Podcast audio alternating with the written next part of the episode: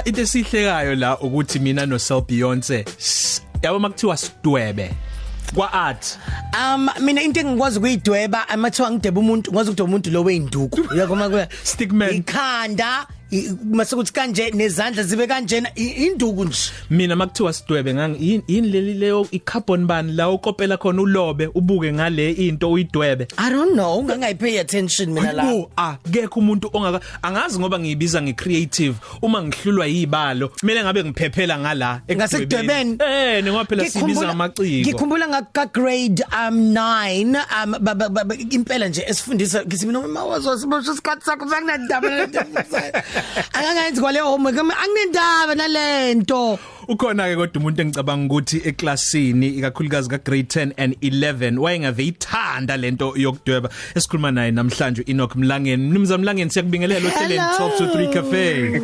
Hallo, ngiyalebuka kibe station salu. oh waze kwamnandi ukukhuluma nawe. Enoch ngiyakhumbula Enoch ngaze ngathi mina eh, ngangize ngikhuluma ngisho no no, no wayehlele eduze kwami ngaleso sikhathi eh, uclassmate wami ngaze ngathi kena hayi mina vela ngifuna ukuba yilento. Masufuna ugrade 9 usuyazazi ukuthi ufuna ufuna ukuba yini. Ngithi mina ngizobe ngiyenzani lento mina lapha ka TV no!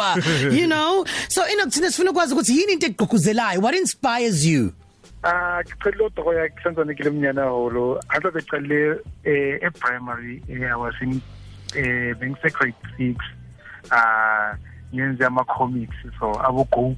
mm oh no Gohan no no Vegeta Eh yeah, ngicala kanjalo. Then yakhula lento le yakhula nami. Ngafika e high school nga ngacala ngacala ukungenela ama ama competitions ngawina. Ah ngabona ukuthi hayi ngiyayazi lento le ngiyayishaya lento le. Ngayithatha serious uh, after matric. Oh my ngayenza i full time.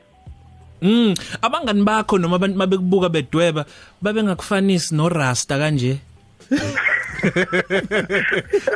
ah ngaleso sikhathi ubeke kho rasta urasta eh but engizama ukusho nje ukuthi babencoma noma babegxeka bethi unekhono. Ah bebona nabo ukuthi ya lo muntu lo uya- uyayazi lento le nabo teacher esikolweni bangi encourage ukuthi ngi- ngi- ngichubeke ngiyenze lento le Mm. Wena ubusuku ubukela kobani phela ngoba sina saza abadweba baqhamuka o Picasso, o Leonardo da Vinci. Wena obani ubukela kubona uthi namba mina abantu abaseduzane nami engizo engizolingisa istyle sabo. umuntu e- e- elengibheka kakhulu uNelson Makamo umuntu wala South Africa Mm. umkhulu kakhulu is is successful. Mhm. Yeah o- he inspires me a lot. Yeah umsebenzi wakho uqonda ukuthini? Um what does it aim to do? Mina eh, umsebenzi wakho uinspire kakhulu like abantu abomama. Ah abazali bami bashona kusantanikile umnyani. Uh, I was 7 years old mm. and uh, moved in with my grandmother ngahlala naye. Then uye ongikhulisile until now.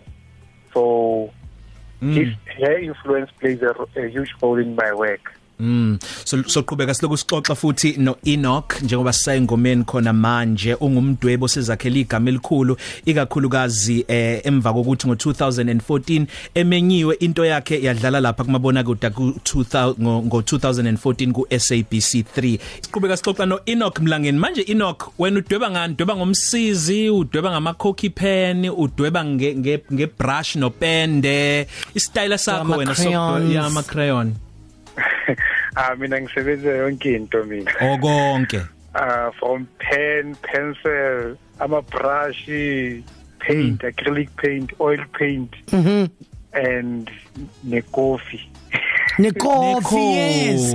Nekofi. So ulisebenzisa kanjani ikhofi like wenza njani? Uqale ulenza njani? Nje Iy'nhlamvu lezi eh, zekhofi. li- eh ah ngiyale prepare kuqala ukuthi ah ngenza ama different mixes. Mhm then I started I started working from there.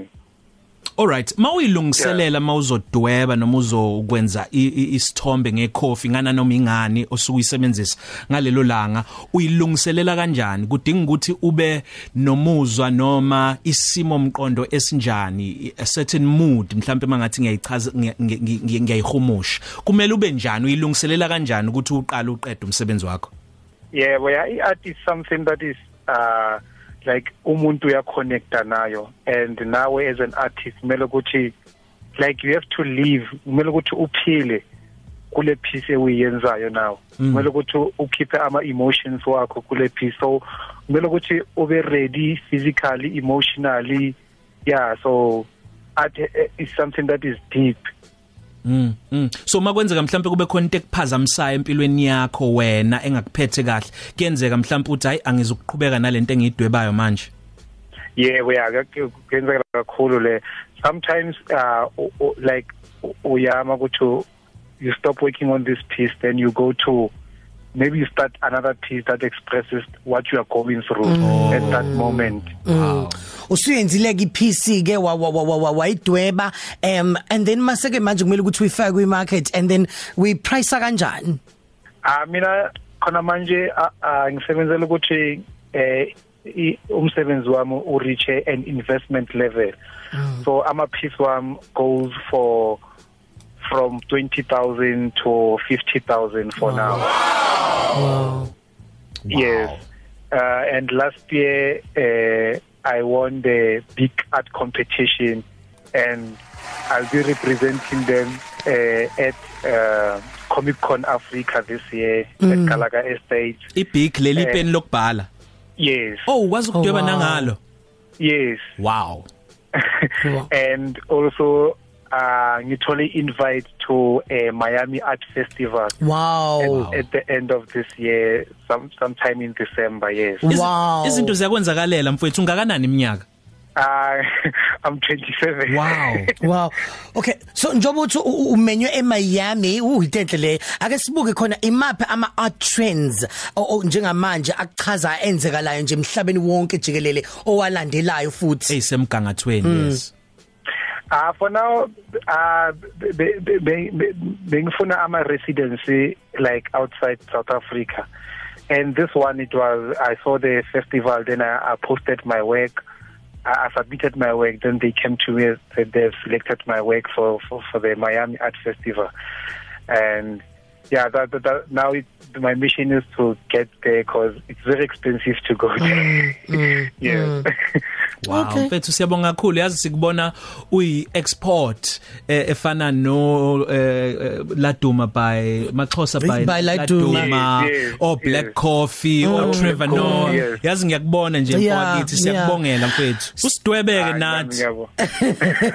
so ungisadela isithombe sakho hayi nosithumelela ayakhulunywa so makhona umuntu ofuna ukwazi ukubona hambe uyabona umsebenzi wakho njengamanje singabe siyobheka kuphi nendawo einkundleni zokuxhumana mhlawumbe khona uyawuposta eh khona manje ah, ah, ba- bangabheka umsebenzi wami e-social media accounts zami it's at Enoch M at ZA on all of them.